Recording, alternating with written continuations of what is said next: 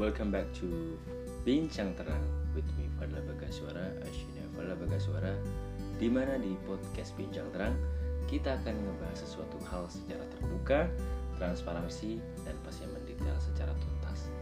Nah, hari ini di mana pun kalian berada dan kapan pun itu, selamat mendengarkan podcast Bincang Terang di episode Pecel Balala versus Budemi. Selamat mendengarkan.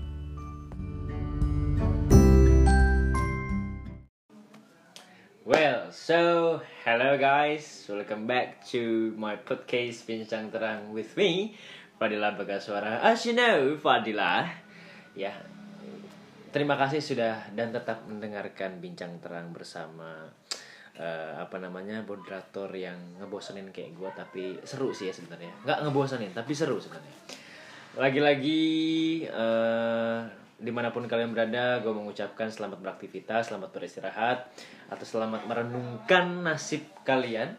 Ketika mendengarkan podcast ini itu jelas mungkin kalian sedang gabut atau butuh sesuatu yang ingin kalian tahu. Oke tapi nggak lama-lama, gue cuma di sini mau nyapa kalian sebentar aja karena gue berharap kalau mendengarkan podcast gue dalam keadaan baik-baik saja. Dan keadaan yang sangat ceria bukan sedih ya. Karena bincang terang selalu ingin memberikan aura-aura positif. Terutama juga insight-insight baru. Yang mungkin ada di sekitar kita dari hal-hal yang sederhana. Nah, Hari ini, entah itu di mana pun kalian berada dan kapan pun itu, pagi, siang, sore, atau malam, gue bakal ngobrol sama salah satu tutor terkece di satu lembaga, ya, di kampung Inggris, ya. Nah, orang ini tuh luar biasa, orangnya dia memiliki charming yang luar biasa, orangnya cheerful juga. Wah, pokoknya asik deh diajak berteman, asik diajak ngobrol. Orangnya open minded juga. Pokoknya orang-orang yang open minded itu insya Allah akan hadir namanya itu akan terpampang di bincang terang ya. Walaupun mungkin bincang terang nggak terlalu besar hari ini tapi kita lihat nanti. Uh, oke so nggak lama lagi uh, gue akan sambut tutor kece kita. Namanya adalah Mr. Ahmad Nasruddin Al Khair nah biasa dipanggil Mr. Ahmad so hello Mr. Ahmad how are you today? Hello. Great, great. I'm so excited. See? You can hear that voice and that answer. He's really cheerful. Yeah, that be so integrating. no, ini bukan lebay, tapi memang apa yang ku rasa ketika aku ngobrol sama Mr. Ahmad ini memang rasanya aura-aura positif itu selalu terbagi. Oh, tapi really? mudah-mudahan bukan aura positif COVID ya. Tapi energi-energi positif ya. Oke. Excited. Kenapa excited. San? um, yeah, this is my very first experience, by the way. Uh, sebelumnya, ya, um, maksudku ngobrol buat uh, tujuan untuk podcast kayak gini ya kan ini pasti positif banget dan jadi uh, tahu tentang teknologi tentang ya tren kekinian podcast podcast kayak gini. Aku sebenarnya kan juga bukan milenial banget ya jadi uh, nggak tahu menaung kayak gimana sih sebenarnya kalian bikin bikin podcast kayak gitu kayak gitu jadi aku jadi tahu banyak tentang oh kayak gini tahu cara bikinnya kayak gitu Mantap ya, jadi luar biasa. Mr. Sebenarnya ngaku-ngaku bukan milenial tapi justru jiwa raga dan semangatnya itu lebih milenial daripada eh, aku guys. Jadi jujur aja, aku sendiri malu sebenarnya dengan semangatnya Mr. Ahmad ini yang kadang-kadang apa-apa tuh masih dikejar entah itu ngejar apaan ngejar ini, ngejar masa depan gitu kan oh ya jadi aku sendiri masih kalau membandingkan atau ya sebenarnya kan nggak boleh mengcompare diri dengan orang lain tapi maksudnya kalau melihat mencerminkan diri dari Mr. Ahmad ini kayaknya oh Mr. Ahmad yang sudah berkecimpung lama gitu masih tetap semangat gitu untuk memberikan kontribusinya dalam mengajar wah masa Oh. aku udah lemes aja gitu kadang-kadang ketika aku nih lagi apa ya lagi down lagi males kayak "Ah, ada member yang kayak gini nggak sesuai harapan kita itu aku gampang down maksudnya tapi kalau ngeliat mencerminkan diri dengan Mr. Ahmad tuh kayak Mr. Ahmad tuh wah udah bener-bener udahlah udah amat positif aja yang penting gitu kan itu kayak wow kita kayak malu sendiri tuh gak sih guys? Jadi kalau bisa aja ya. Bener guys. Aku tuh kalau bisa berani jamin kalau misalkan kalian nih ketemu selamat langsung tuh kayak wah. Wah pokoknya wah deh. Kayak Wah apa tuh? pengen ngobrol terus rasanya itu. Pengen mendapatkan banyak pelajaran dari Mr. oke lah sama-sama belajar lah intinya lah ya Kebetulan nih eh, Mr. Ahmad kalau boleh tahu di Pare itu sebenarnya udah berapa lama sih? Eh, aku di Pare sebenarnya kalau di total sekitar udah dua tahun eh, lima bulanan lebih lah ya. Ini kayaknya udah masuk ke bulan ke delapan. Dua tahun delapan bulan deh kayaknya. Dua tahun? Mm-mm, sekitar kayak gitu. Jadi bulan. aku dulu kan awal 2016 pertengahan tahun itu bulan Juni Juli kayak gitu. Mm-mm. Terus sampai sekitar 2018 pertengahan tahun juga sekitar Juli Agustus jadi kan itu udah aku anggapnya sekitar pas 2 tahun kan Mm-mm. terus yang tahun ini kemarin aku baru balik ke Pare itu Mei Mm. Mei Juni Juli 2021 ya? Agustus ya tahun ini September Oktober November Desember Eh, tujuh bulan ya berarti ya Mm. jadi ya sekitar kurang lebih 2 tahun 7 bulan lah ya Mm. tapi kan berarti 2018 itu sempat keluar pare juga kan Mm. jadi kejeda 19 eh, 20 21 jadi sekitar tiga tahunan kejedanya kayak gitu terus baru balik ke sini lagi tahun ini Tapi kalau misalkan kita hitung dari awal bener-bener Mr. Ahmad ke Pare sampai sekarang itu berarti ada lebih dari tiga tahun dong. lah. Em, ya enggak sih Ya, ya itu tadi dua tahunan Dari 16 ke Dua setengah 21 lah, aja lima tahun, Sir. hah Dari 16 ke 21 aja lima tahun. 16 ke 21 Kan Mister awal ke Pare 16 kan? Mm-mm. Nah, sekarang 2021 akhir malah. Berarti udah lima tahun dong harusnya. iya tapi aku 18 pertengahan itu Cao Pare itu udah Anjay, ciao. gak, gak pernah ke sini lagi gitu maksudnya Oh, berarti ke sini tuh cuma mampir sehari doang kayak gitu gitu berarti hitungannya itu kayak apa namanya cuman uh, hitungan total lama di parenya itu. Oh, berarti sama kayak aku kalau misalkan dulu 18 satu bulan gitu. Cuman Iya. yang hitung satu bulannya aja gitu. iya heeh. Oke oke I see. Tapi ya kalau dibilang Mr. Ahmad sebenarnya udah golongan eh, ini ya, golongan veteran di di Pare itu. Dari dia tahun 16 Nggak kan. Tahun 16 itu jauh dari kata pandemi ya. Jauh banget. iyalah Ini sebagai veteran Jauh nih kalau misal oh, veteran ya, terlalu ya. sebagai orang yang lama banget maksudnya udah tergolong awal lah gitu ya di Pare. Ngeliat Pare yang sekarang. Mhm. Ini ini lebih baik apa lebih gimana bisa? Um, change a lot ya of course terutama uh, aku baru baliknya kan tahun ini setelah pandemi itu Hmm. nah apalagi kemarin juga uh, diterapin ppkm kan waktu aku baru balik ke sini kan jadi banyak banget sih perubahannya itu terutama dari segi kepadatannya ya keramaiannya para siswa-siswi pelajar pare itu nggak se-crowded yang dulu banget kayak gitu. Dulu itu aku sampai satu kelas itu bisa lebih dari lima orang. Dan itu kan kelasnya masih banyak yang ruang kelasnya itu outdoor kan Hmm. semi outdoor outdoor ada juga indoor. Tapi yang sekarang itu sampai kelas-kelas pun itu uh, kayak masih sembunyi-sembunyi kayak gitu kan. Karena juga yang harus masih tetap beroperasional walaupun pandemi kayak gitu kan supaya bisa survive lembaganya. Jadi sampai yang sekarang itu indoor di ruangan uh, padahal kelas biasanya kan aku speaking nih. Speaking itu nggak biasa sebenarnya di indoor itu kayak gimana gitu nggak nggak berasa kayak speaking jadinya kayak karena kelasnya itu terbatas banget. Apalagi ternyata juga siswanya terbatas maksimal hanya 15 orang kayak gitu kan terus juga ternyata ketika keliling-keliling kayak gitu kan cari makan terus jalan-jalan refreshing eh, ada satu yang sangat nampak perubahannya itu memang coffee shop sih coffee shop Coffee shop. eh, coffee shop itu kayak oh ternyata di Pare ini juga membumi banget ya booming gitu booming banget terus ya ada kayak tren tersendiri gitu bahwa aku lihat juga coffee shopnya ini beragam ya itu mulai dari yang kayak angkringan terus warkop warkop kayak gitu kan. Hmm. sama uh, istilahnya apa sih? Yang kayak warmindo kayak gitu. Iya, juga kan ada kayak gitu juga.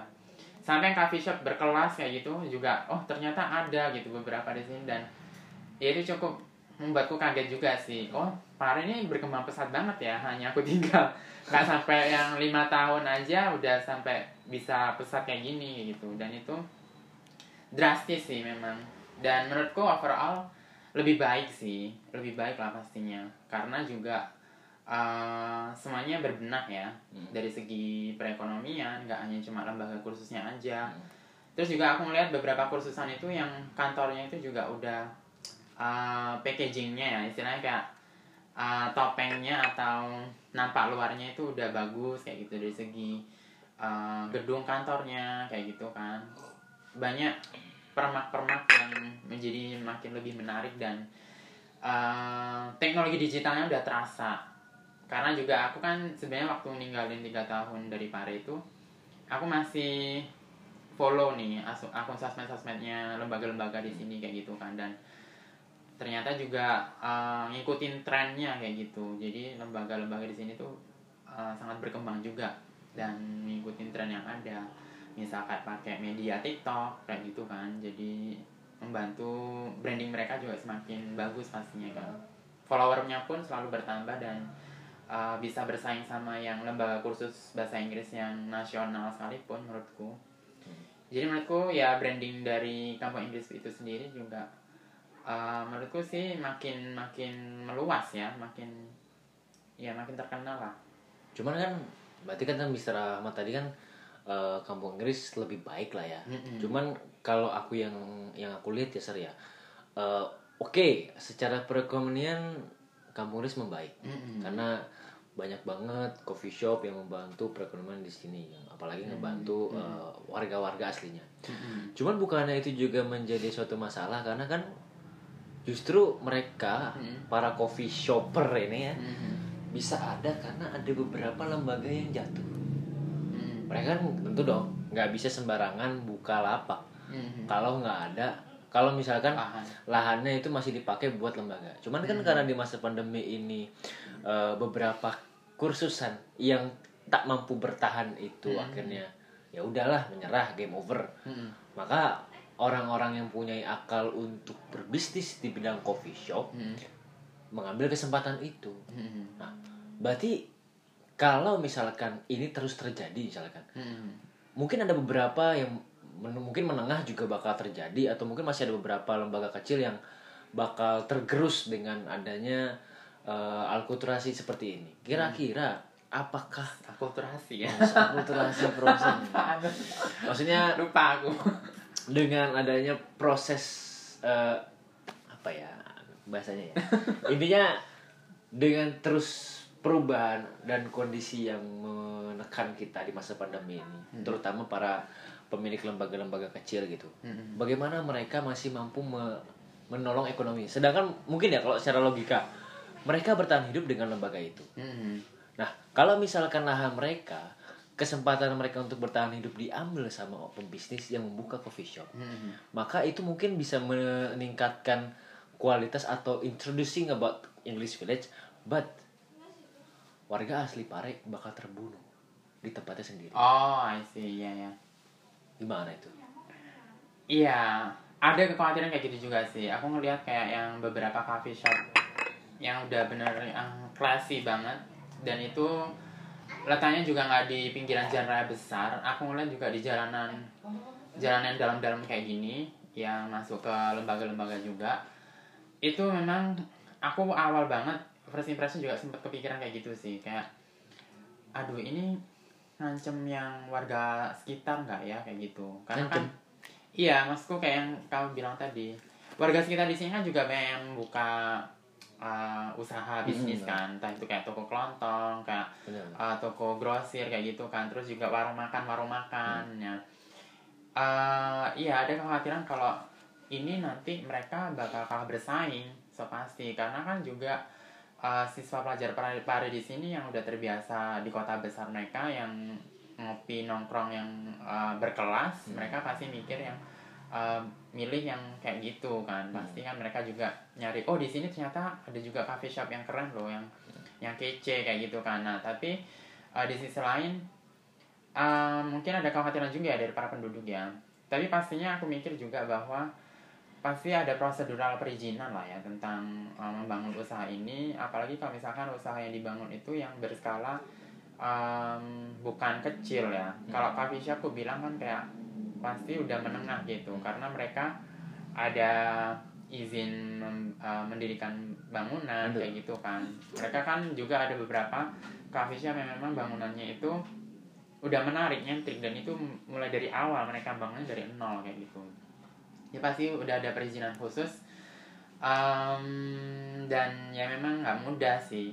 Kupikir eh, mungkin udah ada aturannya tersendiri dari kesepakatan dengan persatuan komunitas pebisnis di sini. Mungkin ada atau enggak juga. Saya kurang tahu pastinya juga. Atau dengan apa kebijakan dari Pak Lurah atau kepala desa di sini. Hmm. karena kan kita di sini juga uh, kampung Inggris ini sebagai salah satu komunitas besar juga di Kediri kan. Jadi pastinya juga ada aturan-aturan yang harusnya mengatur tentang hal itu kayak gitu kan karena aku lihat ya di sini banyak usaha-usaha dari warga setempat yang masih mencoba untuk bertahan juga sih. Kayak misal uh, kemarin pandemi lama uh, ketika masih banyak pelajar yang belum belum ada di sini pasti berdampak banget ke perekonomian warga sekitar di sini juga warga setempat di sini. Karena kan banyak usaha mereka itu yang bergantung pada para pelajar pare ini sebagai konsumennya Ya, kayak ya. gitu. Kayak misalkan usaha nggak hanya toko kelontong atau warung makan ya tapi juga mulai dari uh, laundry terus sewa sepeda terus juga toko alat tulis misalkan uh, dan lain-lain lah pokoknya. Nah itu kan ngefek banget ke mereka kayak gitu. Jadi mungkin ada beberapa yang memang mencoba melihat kesempatan ini akhirnya memutuskan untuk membuka coffee shop itu sendiri kayak gitu. Ya bukannya kampung Inggris ini harusnya difokuskan kepada lembaga pendidikan kan. Maksudnya kalaupun Ya, ya, memang ya. ada persetujuan, mungkin ada batasan seberapa banyak coffee shop ini harus Betul. bisa beroperasional di sini kan. betul betul Cuman kalau yang aku lihat realitanya di Jalan Dahlia ada coffee shop baru kan. Tahu nggak Mister? oh ya benar Ada kan? Ah. Terus di jalan Iya kan? Ah. Jalan Brawijaya ada ujung. juga. Mm, mm, mm. Terus di Lam Tanah juga banyak. Maksudnya wow, ini lama-lama banyaknya lebih banyak ininya coffee shopnya daripada lembaganya. Nah, makanya aku kasihan kalau mungkin kalau memang sekiranya lembaga itu bisa membantu pereko- perekonomian warga aslinya, is oke nggak masalah. Mm, mm, mm. Mungkin coffee shop memperkerjakan warga aslinya. Cuman kalau tidak membantu itu gimana? Karena kan Mm. mungkin aja para owner si apa namanya coffee shop ini bisa jadi bukan warga asli Iya, iya. Kan. Bisa jadi orang pendatang luar yang melihat eh, apa namanya peluang bisnis peluang bisnis. Tapi yang ku bingung harusnya kan memang kebijakannya pare itu dari awal dibuka untuk pendidikan Iya, bahasa iya, Inggris. iya. Kalau Benar. semakin lama ini dibiarkan, aku ngerinya itu hilang sebenarnya. mm, mm. Itu sih paling. Karena ya mungkin karena ya udahlah gimana cara bertahan hidup peluang itu mungkin dianggap pariwisata tempat orang yang banyak kunjungan dari be- berbagai daerah akhirnya Hmm. ya udah dibuat coffee shop supaya milenial gitu mem- Iya. mem- apa namanya mengikuti zaman ya Mm-mm. udahlah masa kampung Inggris sebagai tempat yang nampung banyak orang dari berbagai daerah nggak punya coffee shop kita juga harus ini cuman yang realitanya sekarang makin banyak mungkin entah manusianya orang-orang sini lata eh kok coffee shop gitu kan jadi coffee shop kecil-kecilan ada yang arah Mas Pran tau nggak Mister Iya. nah arah Mas Pran kan itu lewat lewat jalan pintasnya CS kan Mm, mm. Nah, itu ada coffee shop. Atau coffee shop apa? Pokoknya kayak tempat kopi tapi Hmm. kecil. Dekat Dan- Krasna bukan? Hah? Dekat Krasna. Krasna tuh yang biru tuh ya? Krasna, heeh. Yang Krasna itu kan? Timur. Yang sebelum belok ke CS itu ya? Mm. Nah, nah setelah itu, sebelum nyebrang ke Mr. Pran, kan perempatan. ha. Sebelumnya itu kan ada coffee shop. Kanan jalan ya. Iya kanan jalan. Ah. Itu kan nggak ini kan? Maksudnya kalau dibilang nggak rame kan? Gak besar. ah. Nggak besar. Dia nyetel operasional banyak. Ah. Dia membunuh diri sendiri dong. Oh. Kayak gitu kan. Mungkin dia, wah kayaknya coffee shop bagus nih, bisnis yang Oh, bagus gitu kan. Kayak cuma asal. Heeh. Tapi akhirnya dia malah karena nggak punya perhitungan yang bagus dan dia melihat terinspirasi dari beberapa coffee shop yang telah bangun, oh rame nih kayaknya gue bisa nih. Tapi malah akhirnya dia mati dengan caranya sendiri. Itu gimana itu? Maksudnya apa sih Ah. yang membuat orang itu jadi tertarik, orang luar jadi tertarik? Maksudnya Iya, iya. ada apa sih? Kenapa harus berbisnis di Pare? Iya ya. Tapi aku lihat juga banyak warung makan yang dulu itu kayak legend, kayak yang kita itu Legend. sering, Heeh, kayak maksudnya sering uh, salah satu jadi langganan aku itu banyak berganti kayak gitu. Entah itu berganti pemilik kontraknya, entah juga berganti uh, usaha bisnis atau jualannya. Hmm? Itu juga yang membuatku ini sih melihat bahwa ini sebenarnya cara orang-orang bertahan di era pandemi ini di kala pandemi kemarin ini kayak gitu dengan menyesuaikan apa yang menjadi tren Hmm? mereka tutup terus buka yang seikut tren itu kayak gitu memang kesannya memang ada kayak mengikuti tren kayak latah gitu ya kayak kamu bilang "Heeh." Nah tadi kan aku juga sempat bilang sebenarnya coffee shop di sini itu nggak semuanya yang coffee shop besar yang kayak di kota-kota besar. Memang ada beberapa itu yang seolah-olah kayak niru gitu ya niru Hah. coffee shop ala-ala. Tapi sebenarnya mereka juga nggak nggak yang real coffee shop gitu. Cuma kemasan packagingnya aja di luar kayak seolah-olah coffee shop. Tapi ketika kita udah nyoba masuk nyobain pesen uh, makanan minumannya harganya itu sebenarnya kayak yang masih terjangkau gitu masih affordable. Kayak yang masih kayak warung kopi biasa juga yang kayak yang uh, di desa kayak gitu kayak biasa kayak gitu.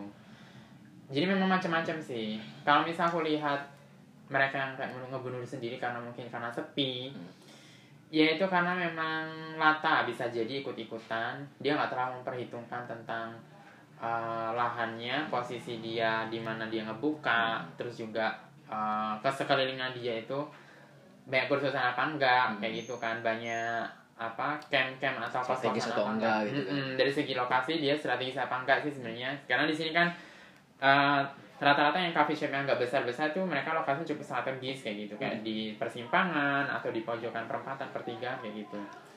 Kalau yang sepi kayak gitu mungkin mereka juga nggak terkonsep ya. Mungkin nggak mengantisipasi secara matang juga mereka nggak memperkirakan jangka waktu setengah tahun sampai setahun ke depannya kayak gimana kayak gitu kan jadi ya aku setuju sih kalau misalkan harusnya kamu di sini juga lebih mengutamakan yang dikembangkan lebih lebih utamanya lebih pentingnya adalah kursusan kursusannya ya iya ada kekhawatiran juga coffee shop ini menjadi uh, ancaman buat lembaga ini malah uh, uh, tertutupi Iya. gitu.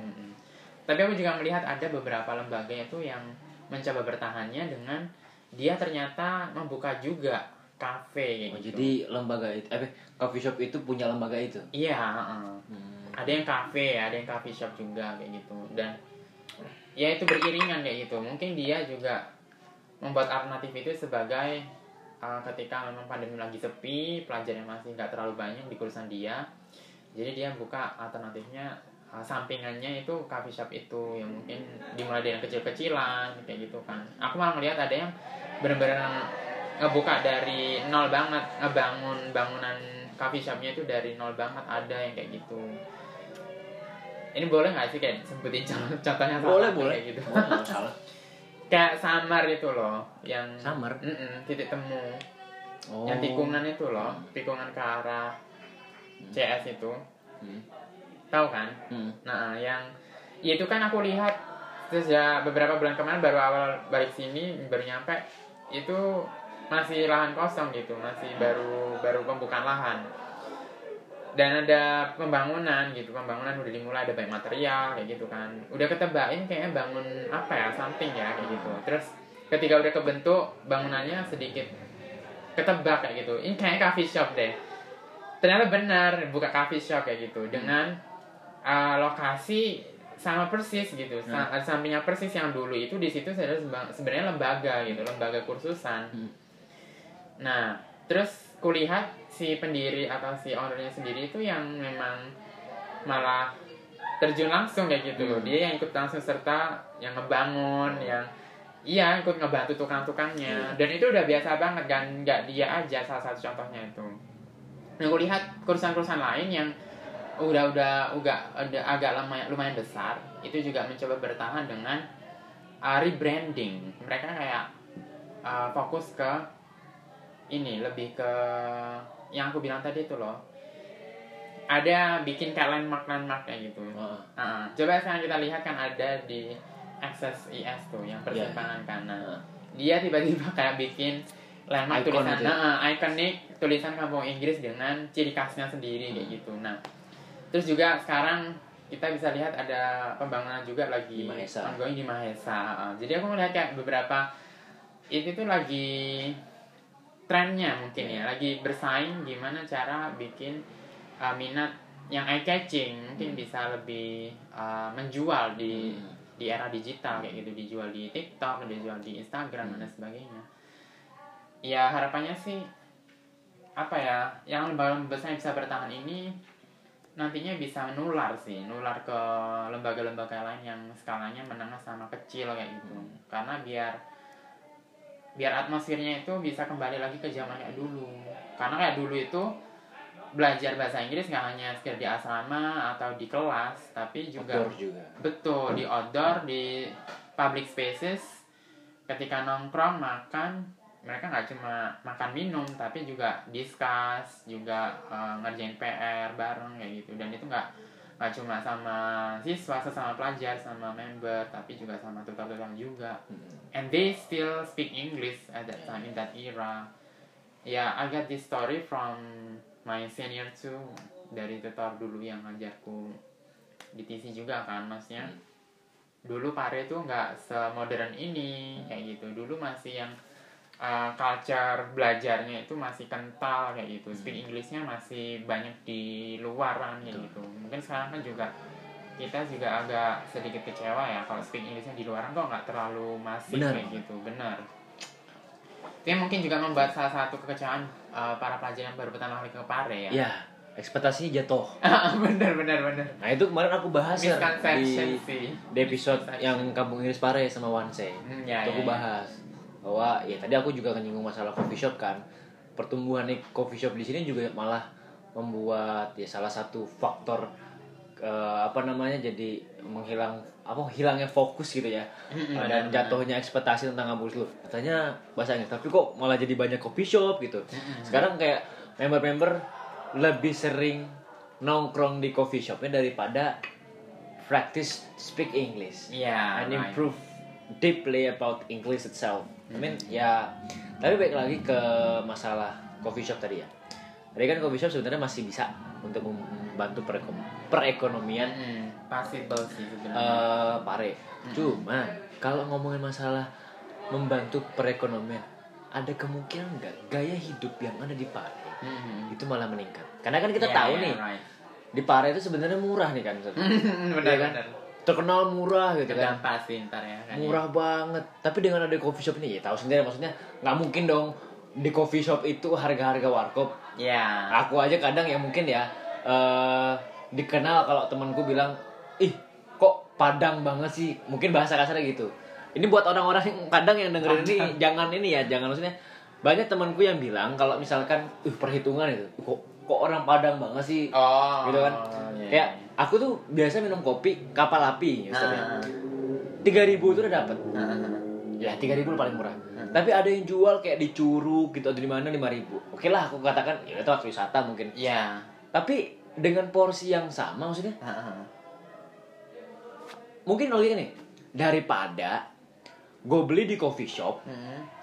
Porsinya sama Mm-mm. rasanya nggak beda jauh Mm-mm. mending gue bikin sendiri Mm-mm. budgetnya nggak keluar ah. cuman menang nongkrong menang tempat doang Iya benar-benar. gitu kan Mhm. nah takutnya ini menginfluence nah makanya tadi aku bilang dengan datangnya coffee shop ini membunuh ekonomi ekonomi yang bawah yang Iya, mungkin iya. kayak ngejual sesuatu yang murah Ah, ah. kan kita tahu nih kayak misalkan eh, banyak kan ya apa namanya tempat makan tempat makan yang murah gitu ah. kayak eh oke guys eh, sebentar ya kita jeda dulu untuk beberapa saat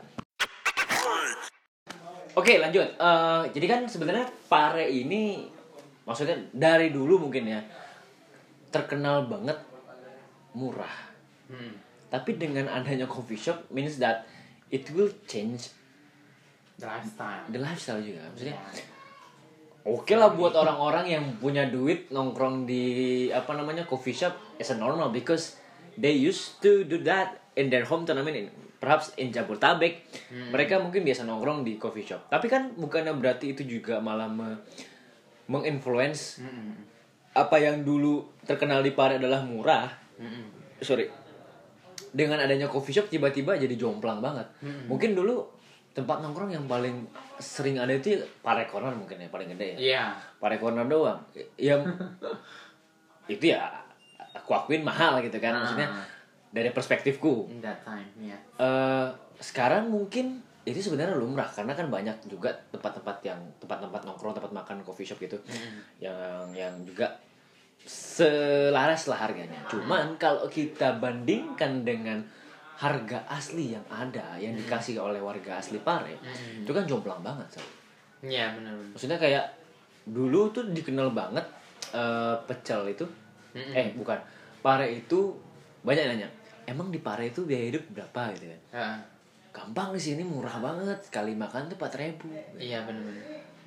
itu aku juga dulu pernah dapet iming-iming kayak gitu kan. Ah. empat ribu murah. Sekali makan. Berarti kalau dua, dua, dua kali makan dua belas ribu dong. dua belas ribu dikali tiga puluh berapa? tiga puluh enam dong. Mm-mm. ya kan? tiga puluh enam.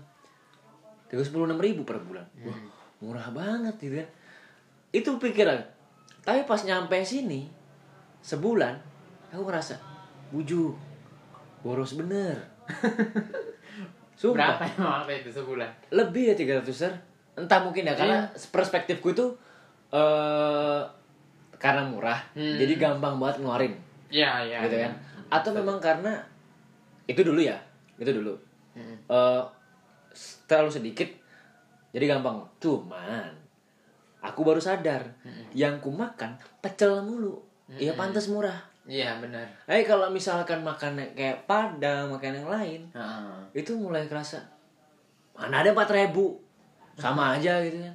Tapi emang kalau dibandingkan dengan yang lain kayak misalkan nasi padang. Oke lah nasi padang di tempatku di Bogor 15 ribu. Oh, oke. di sini sepuluh ribu. Mm-mm. atau enggak sama rendang 12 ribu lah Mm-mm. cuman beda-beda tipis. Walaupun memang kualitasnya beda jauh lah ya.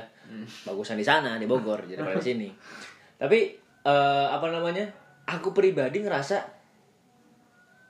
kalau semakin lama kita di sini semakin merasa bahwa ini perspektif ya merasa bahwa ah nggak ada bedanya gaya hidup di Paris sama di Mm-mm. kayaknya sama-sama aja gitu. Itu benar nggak kalau Mister sendiri gimana ngerasainnya? Apakah Paris ini termasuk murah rendah atau rendah gaya hidup atau rendahan Rendah. Rendahan itu kayak mana? rendahan itu ya berarti tidak punya potensi untuk Untuk apa tuh? untuk berkarir Ah, oh, I see. Atau untuk- ke sana ya ke arahnya ya. enggak enggak ke sana juga maksudnya Hmm, ya kalau enggak gitu sih maksudnya iya iya iya. ya mau tak bisa rahmat gimana deh untuk gaya hidup di Gini, Paris ah, mungkin gini, ah, perspektifnya lebih ke para pendatangnya ini sebagai apa dulu? Dia sebagai siswa, pelajar, member kursusannya, Hmm. atau ah, kalau aku sekarang saat ini kondisikan, misalkan aku sebagai tutor nih, Hmm. ya, ya kan aku ada earn money nih, Hmm. walaupun ya mungkin ya upah lah ya kasarannya kayak gitu kan. Hmm. Nah, kalau aku melihat dengan fenomena banyak coffee shop yang udah ada di sini, emang sih kita nggak bisa mungkirin bisa pasti uh, menginfluensi para pelajar secara nggak langsung kayak gitu. Apalagi mau influensi pelajar-pelajar di mana maksudnya uh, maksudnya para member gitu, untuk siswa-siswi di Pare. untuk kerja di coffee shop No, I mean uh, buat tergiur nongkrong di coffee shop kayak Oh. gitu, yang harusnya Oh, itu Inggris nih. iya Nongkrong. yang harusnya itu bukan our own culture gitu. Ya, I ya, mean sip. bukan originally culture di sini kayak gitu. Dulu nggak ada coffee shop dulu tuh nggak ada yang kayak head down kayak gitu. Paling Berarti- mentok sekarang Pare hedon dong? Ya aku bis aku bilang bisa bisa jadi sih. Dulu paling mentok paling bagus kan kayak cafe gitu kan. Hmm. tadi sempat bilang pare corner lah paling yang besar kan. Nah mungkin karena orang-orang juga ngelihatnya ada peluang bisnis coffee shop itu karena mereka uh, berhasil gitu beberapa pionir coffee shop yang awalnya berdiri awal-awal nih Hmm. mereka cukup laris gitu ternyata Ya, berarti kayak berhasil nangkep bahwa segmentasi para pelajar pare ini bayangan dari mayoritas kota besar gitu dan anak pelajar pare ini yang dari kota besar itu Hmm. mereka lupa bahwa tujuan mereka di sini tuh bukan sama nongkrong yang kayak mereka di kota besar asalnya ya jadi mereka lupa akhirnya ke bawah suasana lifestyle mereka itu dibawa ke sini kayak Hmm. gitu dan itulah mungkin yang jadi menjamurnya coffee shop semakin banyak di sini Hmm. dan itu memang eh, mempengaruhi mungkin juga pelajar-pelajar lain yang dari kota asalnya daerah asalnya yang nggak terlalu banyak coffee shop atau bukan dari terlalu kota besar ya Hmm. mungkin mereka nggak kebiasaan untuk nongkrong di coffee shop Eh, bisa jadi bisa tular kayak gitu ketularan. Karena mungkin ya pasti mereka diajakin nongkrong nongkrong Hmm. ke sana kan. Lebih eye catching lebih kekinian kayak gitu kan. Lebih eh, ada banyak foto boothnya dan sebagainya. Instagramable Iya, gitu benar. kan. Mereka kan pasti suka yang eksis di sosmed. Nah eh, tergantung juga sih tapi. Ku bilang karena eh, siswa pelajar pare itu kan beragam ya mereka datangnya ada rombongan dengan sekolah dengan teman eh, sekolahnya dengan Dengan mantan. teman ya kayak gitu kan ada beberapa yang aku lihat Apa? Sebenarnya- amat tawa punya mantan kayaknya. mereka itu ada yang masih tetap keep on track juga kok sebenarnya gitu Kontraknya. ah maksudku mereka yang emang minimum budget ke Pare ya nggak bakal mungkin nekat buat sering nongkrong nongkrong sih Eh. Karena aku sendiri kayak aku kan di camp nih stayku nah member-memberku di asrama di camp itu ada ke beberapa yang itu nggak pernah kayak kelihatan pergi nongkrong. Ketika teman-teman yang lainnya pada nongkrong semua hangout Introvert kali. Iya dia itu nggak nggak nggak ya pernah sekali tapi nggak sering kayak gitu loh. Terus aku pernah ngobrol juga, ya aku tanya nggak ikut sama mereka nongkrong apa gimana, hangout kayak gitu-gitu malam minggu apalagi terutama biasanya rame banget tuh. Malam minggu kan pasti semua pelajar baru itu pada nongkrong di semua cafe shop di sini kan Hmm. sama kafe-kafe gitu. Mereka bilang karena emang ya pengen cukup budgetnya buat stay di sini, buat Hmm. living di sini kayak gitu dan nggak mungkin nekat dong. Karena mereka sebenarnya kan udah memperhitungkan dengan baik ya sebelum datang ke Pare untuk sekian lama mereka kan nge-planning oh sebulan. Berarti kan living cost di sini buat makan buat lain-lain. Seberapa seberapa? Buat biaya kursusnya seberapa? Asrama seberapa berapa? Kayak gitu. Jadi ada beberapa yang masih keep on track menurutku.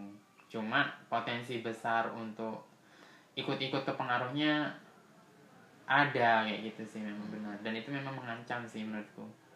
Karena budaya aslinya dulu di kampung Inggris bukan hedon kayak gitu. Bukan pelajar yang hedon dulu pelajar di sini tuh pelajar-pelajar yang memang kampung gitu loh seperti namanya yang kampung Inggris maksudnya pelajar desa yang kita nggak neko-neko kayak Iya gitu sih, ya benar. niatnya belajar belajar sungguh-sungguh yang kalau mau refreshingnya lebih ke alam gitu loh nggak sih. yang nggak yang urban kayak gitu loh Iya sih. Kan di sini village ya bukan Nah. city Iya, gitu ya. loh. iya kayak gitu jadi kan kota Pak Inggris Pare. Hmm, benar. Lifestyle-nya si member yang dari kota besar nih memang banyak dibawa ke sini kayak gitu. Hmm. Nge-vape misalkan. Vapor juga kan itu juga mempengaruhi loh. Ada beberapa kan sudah ada vapor shop juga di Iya, sini toh. Nah, itu kan juga termasuk dari lifestyle-nya anak-anak dari kota besar juga sih. Benar-benar. Dan aku benar sih setuju kalau bisa tadi dibilang sebenarnya coffee shop yang baru-baru ini ada yang memang dari para pendatang yang mereka membukanya, bukan warga asli sini gitu.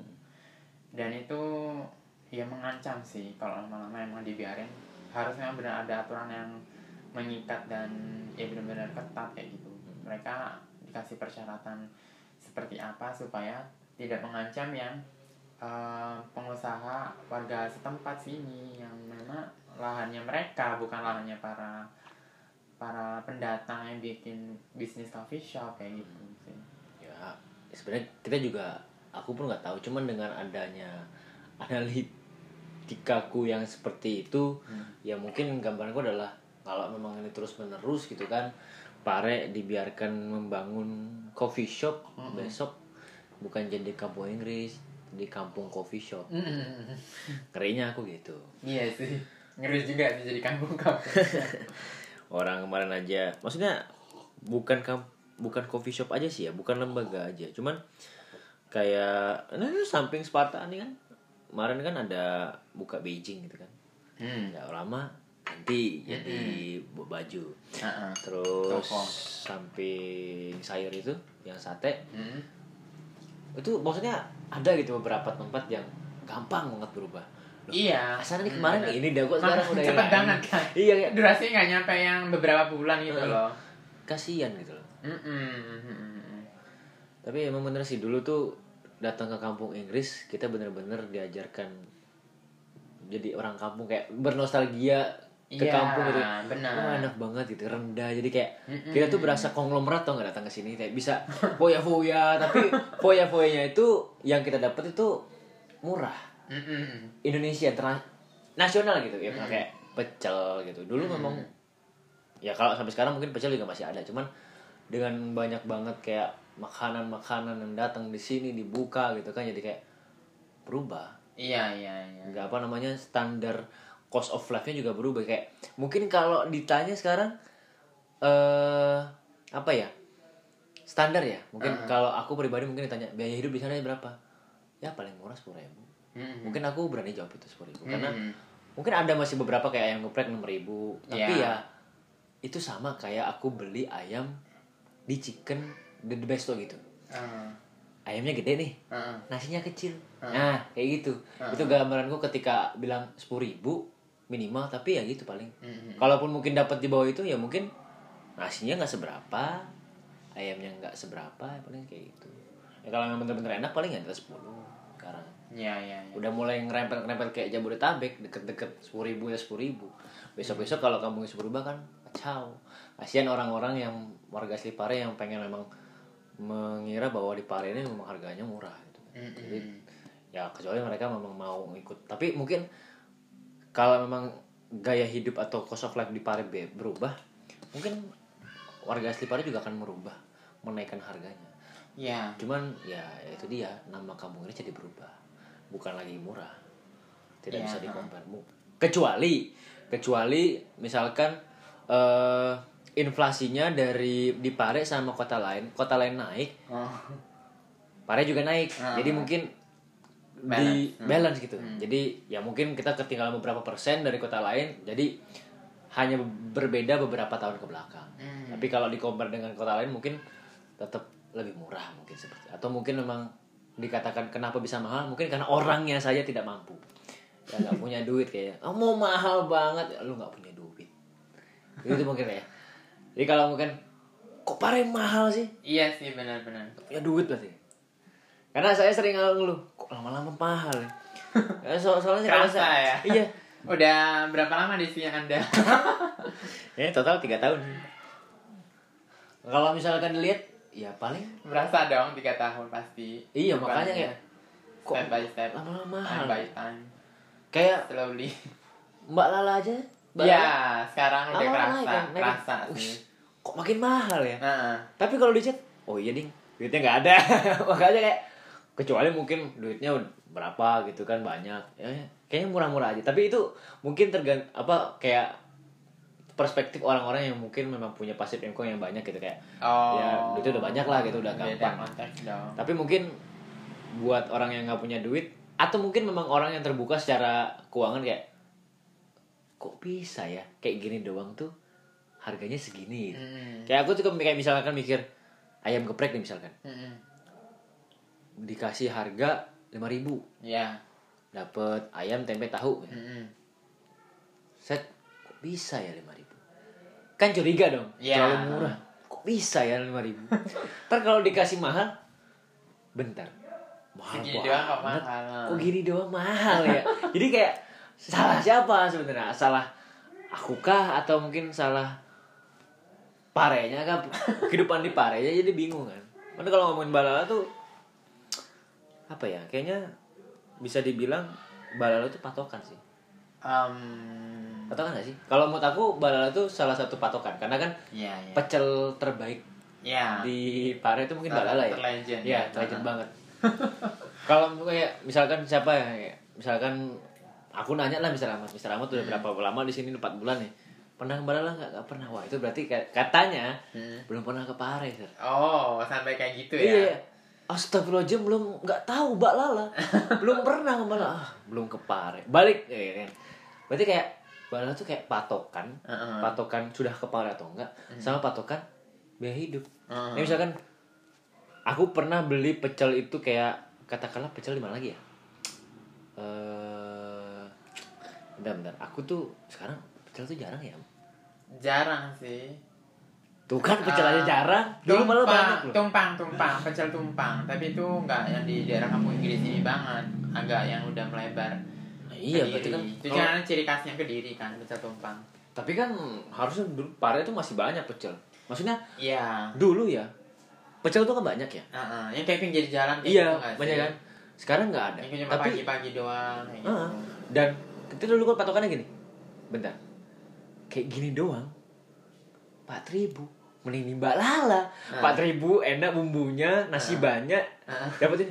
Jadi kayak patokan ah, mending mbak lala kayak gini mah Ah. akhirnya orang rame mbak lala. Jadi mbak lala tuh nggak nggak secara nggak langsung jadi patokan. Ya keren Iya. ya. Nggak tahu strategi marketing apa yang dilakukan mbak lala ini tapi ikonik banget.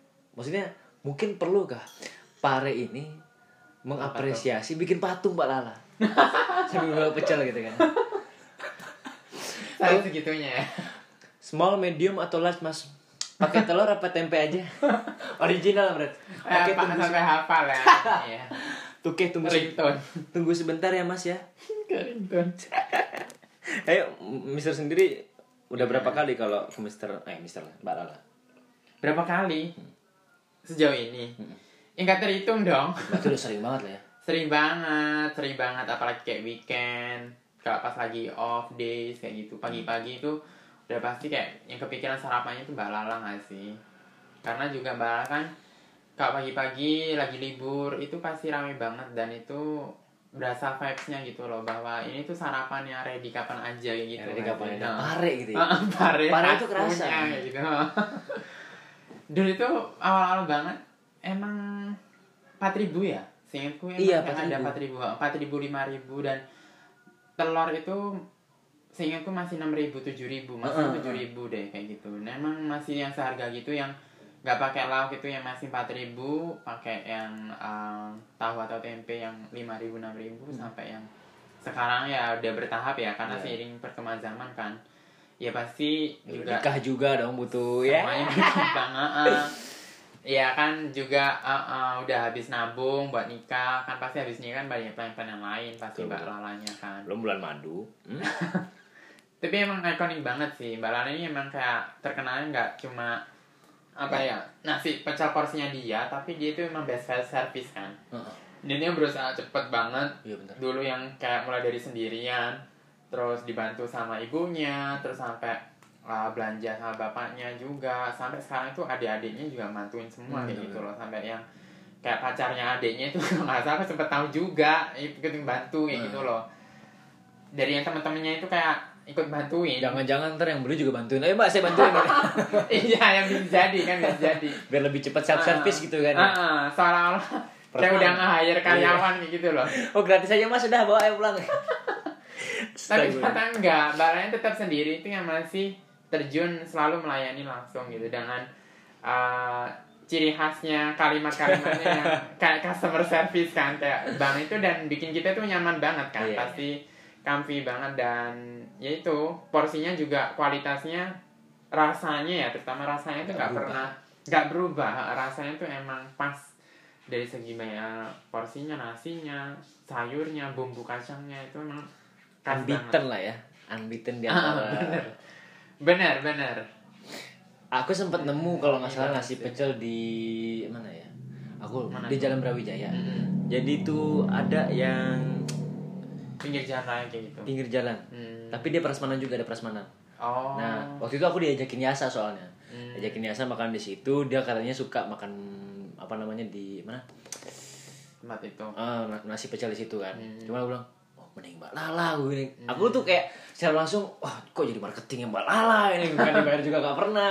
Cuman nggak tahu kenapa ya kita tuh jadi tiba-tiba marketingnya mbak Lala gitu. Mending mbak Lala kayak gini mah itu berapa? Segini. Ih mending mbak Lala porsinya bumbunya akan mbak Lala.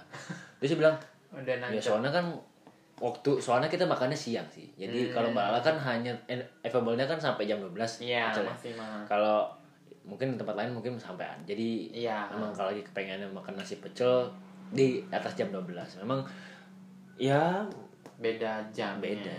tapi kalau dibandingkan dengan produk-produknya Mbak Lala yang lain nasi pecel tuh kenapa paling juara ya maksudnya kan dia Emang, juga ah. yang lain ada ayam serondeng yang lain kan setelah jam 12 siang itu kalau nggak salah oh maksudnya di tempat yang lain Enggak di Mbak Lala itu kan. Oh. Setahu aku Mbak Lala juga jual makanan lain kan selain nasi pecel. Oh. Tapi di atas jam 12.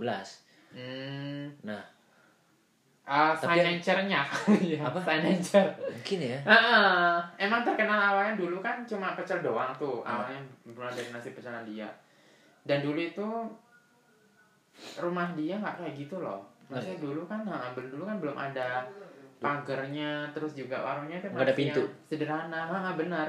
Enggak ada pintu bener. nah maksudnya pintunya masih sederhana banget gitu loh. Dulu itu nggak se yang bagus sekarang. Kayak kursi kursinya juga berkembang sih. Semakin mbak Lala rame dulu nggak ada nembor loh sekarang udah ada nembor juga kan. Sampai yang nomor HP nomor WA bisa di save sampai yang aku nanya member sekarang tuh juga sering kayak order itu lewat WA sampai kayak gitunya loh sampai nanya "Ah, buka nggak mbak Lala hari ini? Kayak gitu gitu Fleksibel berarti ya. Ah, ah, sampai dengan pelanggannya itu segitu dekatnya gitu loh nggak cuma sekedar servis yang ngasih nasi pecel enggak tapi sampai yang deket kayak gitu sama semua kalangan Nah, dan itu emang buat nyaman sih dan nggak hanya cuma sekedar nasi pecel mbak Lala itu emang ciri khas banget enak di hati sih ditemenin makan gitu ya. Ayo Mas, ini makannya pakai telur kan. Apa Mas butuh disuapin juga? Hap! Ah. padahal sih porsinya itu loh ini bikin ciri khas juga ya sekarang ada istilah small medium dan Oh, jumbo kayak jumbo. gitu Iya, ya. jumbo, bukan large ya. Ah, ah. Wow. telurnya juga telur yang ceplok setengah matang matang Oh iya benar-benar spesifik ya. Iya, Telurnya loh. mau yang ceplok apa dadar mas? Ah. Ya telurnya mau setengah matang matang apa? Ah. wow. badannya juga enak banget kan Hmm. ada crispy crispynya kayak Iya. gitu loh ciri khas menjawara sih Tapi Mbak Lala nggak coba ke GoFood itu? bisa jadi sih um, ya nggak ada yang nggak mungkin kan bisa jadi sih Tapi mungkin- beberapa tahun ke depan Mungkin sih ya. Tapi mungkin untuk sekarang kayaknya belum belum. Karena Hmm. memang kalau aku lihat itu wah ripuh banget. Aku lihat, nah kan ciri khas dia pecelnya kan fresh juga Hmm, kan, bener. fresh uh, pesan dan itu baru dibuatin kayak gitu. Iya. iya. Kalau misal di GoFoodin kayaknya bakal ngaruh deh ya, kayak bakal ngaruh Jadi- uh, uh, dari segi durasi Iya sih. Aku bikinnya. juga pernah gitu kan makan dibungkus itu Mm-mm. sama makan di tempat, nah, uh, itu beda. beda, uh, uh. Pas nasinya masih anget, Ah, ah, bumbunya kerasa. bener bener. Pas aku bungkus tuh kayak kok gini sih Ah, rasanya. bener, udah beda kan? kan. Apalagi sambil nongkrong di saung gitu kan Ah, ngobrol-ngobrol. Itu ah. rasanya kayak Nah itu vibesnya juga di situ toh, di tengah sawah. Soalnya dulu waktu pas aku Mister tahu Mister Nas nggak? Nasrul, Nasrudin. Nasrudin, sebelas. Bukan dia bukan TC. Oh, Ada tutor tutor Kita. GE. Hmm. Panggilannya? Mister Nas. Oh, bukan TC. Bukan. Hmm, tahun berapa itu? Kok aku nggak tahu ya? Nah, tahun 19 sudah ada. Dia tutor masterku. Oh, terus terus. Nah, biasanya kita kalau misalkan konsultasi program nih, Mm-mm. nongkrong nih balala nih. Oh. Nongkrong-nongkrong gitu, speak English. Oh. Itu bener-bener kayak pas ke sana tuh kayak jadi rindu momen-momen itu kan. Iya, benar.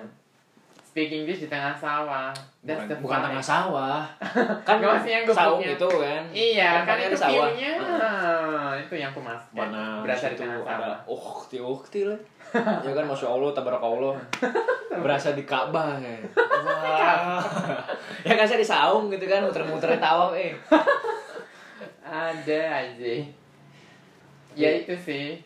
Kembali ke esensinya dong Hmm. tadi. Kalau misalkan uh, lifestyle secara overall ya, generally kalau kita misal mikirnya kampung Inggris yang benar-benar harus yang kayak dulu banget, sebenarnya nggak bisa juga sih. Ya, bisa, Ya, gitu. bisa Kita kan kita melihat um, perkembangan teknologi juga toh. Jadi uh, kursusan lembaga-lembaga aja kan udah nggak lagi produksi flyer selebaran brosur. Kan mana zaman kayak gitu lagi toh. Iya. semua kan udah bermain sosmed kayak gitu akun-akun digital digital marketing system kayak gitu. Nah itu juga secara nggak langsung itu mempengaruhi lifestyle para pelajar di sini juga. Uh, para member-member yang datang ke Pare itu juga uh, terpengaruhi karena mereka juga pasti uh, nyari yang instagramable kayak gitu-gitu. Terus gaya hidup ya apalagi sejak efek pandemi kemarin harga-harga ya pasti nggak mau nggak mau kayak naik gitu loh. Walaupun bertahap pelan-pelan kayak gitu kan. Uh, kembali ke orangnya sih seperti yang kau bilang tadi itu. Kita indikator parameter masih nganggap uh, living cost di sini murah itu murahnya dari segi siapa dulu terus parameternya sebagai apa. Kalau misalkan tutor yang masih bisa bertahan dengan yang kita kasarannya wage ya bukan salary kayak gitu kan. Hmm. Ya kita masih bisa menganggap masih affordable gitu. Living cost di sini tuh nggak yang hedon hedon banget. Enggak sih sebenarnya. Tergantung kita juga. Kita bisa bisa berhemat dengan uh, kita nyuci sendiri. Misalkan nggak laundry. Terus uh, wifi juga kita bisa kayak numpang numpang kayak gitu misalkan. Uh -uh. nggak yang beli paketan yang boros kayak gitu misalkan. Terus apa gini ya kalau mungkin bisa kita yang bisa masak nasi sendiri rice cooker juga tinggal beli lauk kayak gitu doang kan Hmm. dan itu ya membantu banget sebenarnya buat bisa lebih berhemat Hmm. Mm-mm. jadi tergantung orangnya juga sih Mm-mm. Kalau-. Baik lagi nih, aku penasaran. Kalau Mbak Lala Ah, bangunannya berubah nih, ah, lebih bagus nih. ah. Terus? Kira-kira apakah akan menghilangkan esensi parenya? esensi parenya Apa mau? Oke, sebelum ke sana, aku mau nanya Mr. Ahmad. nih. Ah, apa tuh Kira-kira Mbak Lala sekarang, Hmm. sekarang ini masih jadi patokan atau sudah tidak jadi patokan untuk Hmm, biaya hidup di sini? Menurutku ada beberapa produknya Mbak Lala itu yang udah ku bilang pricey sih. Kayak seingatku dulu nih ya. Air hangat itu dulu masih gratis loh. Orang kan, Heeh, sekarang itu 500, 500 ribu bahkan. pan wifi aja dibayar kok. Wifi bayar. Wifi wifi Oh iya, bayar. iya kan voucher. Oh, voucher. Ah, kan pakai voucher. Bukan bukan yang memang wifi free wifi kayak di cafe atau di tongkrongan kan enggak. Kan basically kayak rumah Aja ya makan. basically dong, which is Kayak basically. Kayak maksudku warung makan Anur. Selamat jadi anak jaksel ya. Bukan. Besok besok ke jaksel ya. kan aku terinfluence lu, lu juga nih yang Kok? lu gue lu gue kan anak Bogor kan. basically Kayak basically warung TikTok. makan Anur nih. Kan dia bukan Anur. tongkrongan. Heeh. Tapi sejak dia punya cabang, terus dia juga tempatnya luas, Hmm. itu bikin anak yang habis makan tuh nggak beranjak langsung. Tapi masih ngobrol-ngobrol diskusi atau apa forum kayak gitu dan itu akhirnya membuat oh bisa nih jual voucher wifi ID kayak gitu loh Hmm. nah itu aku yang lihat juga di Balala ternyata ada juga voucher Oh, kayak apa? gitu. ada juga voucher kayak gitu ya kalau memang dibilang gratis ya kan beda dong kalau gratis free wifi pasti di cafe atau di coffee shop kalau yang di warung kecil-kecil ya Siapa tahu gitu kan Mbak Berbahaya. Lala mau apa tuh berbagi rezeki. Eh tapi ya kan di jalan jalan kemu itu jalan kemuning kemuning kan? heeh Mbak Lala nih, heeh aku nemu lagi satu tempat makan heeh depan Elvas, heeh Grandma. oh iya Itu kan murah banget, Mister. iya dong Sekarang Heeh. patokanku malah Grandma. Mm-mm. Jadi kalau misalkan ada orang nanya nih, eh biaya hidup di sana makan murah nggak gitu kan? Mm-mm. Aku masih bisa berani, murah. Tapi untuk beberapa tempat aja. Mm-mm. Aku langsung eh, berdasarkan observasiku, ini ada nih masih murah nih. Ya karena biasanya kalau aku lagi bokeh banget nih, Hmm. makan di sana itu kayak worth it banget. Mm-mm. Nasi, eh nasi, nasi nih banyak sayur, Mm. tambah lauk Wow. kayak tahu balado tempe balado itu cuma enam ribu tambah tempe goreng dua kecuali aku makan pakai telur atau enggak ayam atau ikan iya pas itu dan itu masih nah. masih di bawah sepuluh ribu itu Mm-mm. ya Iya, bener. anjir Padahal kayak porsinya itu sama kayak nasi padang loh. benar Iya. wah itu lebih parah Heeh. aku pernah makan siang di situ sar dan itu tuh malamnya aku nggak makan Oh, karena masih kenyang awet banget ya. bener cuma Sehari aku ya? nggak ngertinya Mm. itu sepi maksudnya nggak terlalu Oh, rame heeh. karena mungkin tempatnya juga Nggak terlalu luas kan. Iya nggak terlalu luas kan. Kita duduk berdua aja susah banget. Heeh. apalagi rame cuman kursinya aku bisa bisa jamin nih grandma sama mbak Lala diadu oh iya benar bisa nih Heeh. Iya, tadi kan kalau bisa ditanya Mbak Lala bisa jadi indikator sih. Eh, indikator apa enggak ya? Hmm. Eh, ada kecenderungan kayak lebih ke komersil lagi Mbak Lala itu karena ngelihat antusiasme tren dia semakin naik kayak gitu kan. Dia itu mencoba- trending dong ya dia mencoba mengkomersilkan sampai yang hangat dari gratis akhirnya berbayar. Terus ada wifi juga voucher jual voucher wifi. Nah kalau grandma aku juga sebenarnya langganan di situ makan. Cuma emang akhir-akhir ini aku udah agak bosen sama menunya. iya sih karena Nah tapi memang kelebihannya di situ. Grandma itu memang nggak komersil. Kita bilang grandma karena memang ciri khas si ibu mbah nenek Hmm. ini yang dengan ibu mbak nenek apalagi tiga. Tidak bersahaja predikat sekali- dong. Bersahaja sekali dengan anak-anaknya. Anak-anaknya itu juga yang udah emak-emak gitu loh.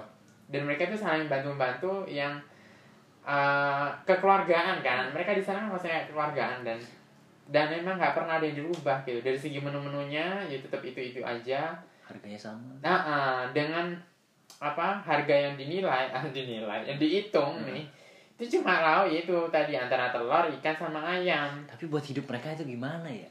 Aku mikir loh aku mikir sumpah ini segini mereka makan dari mana? Mau makan sisa-sisa masakan mereka apa gimana?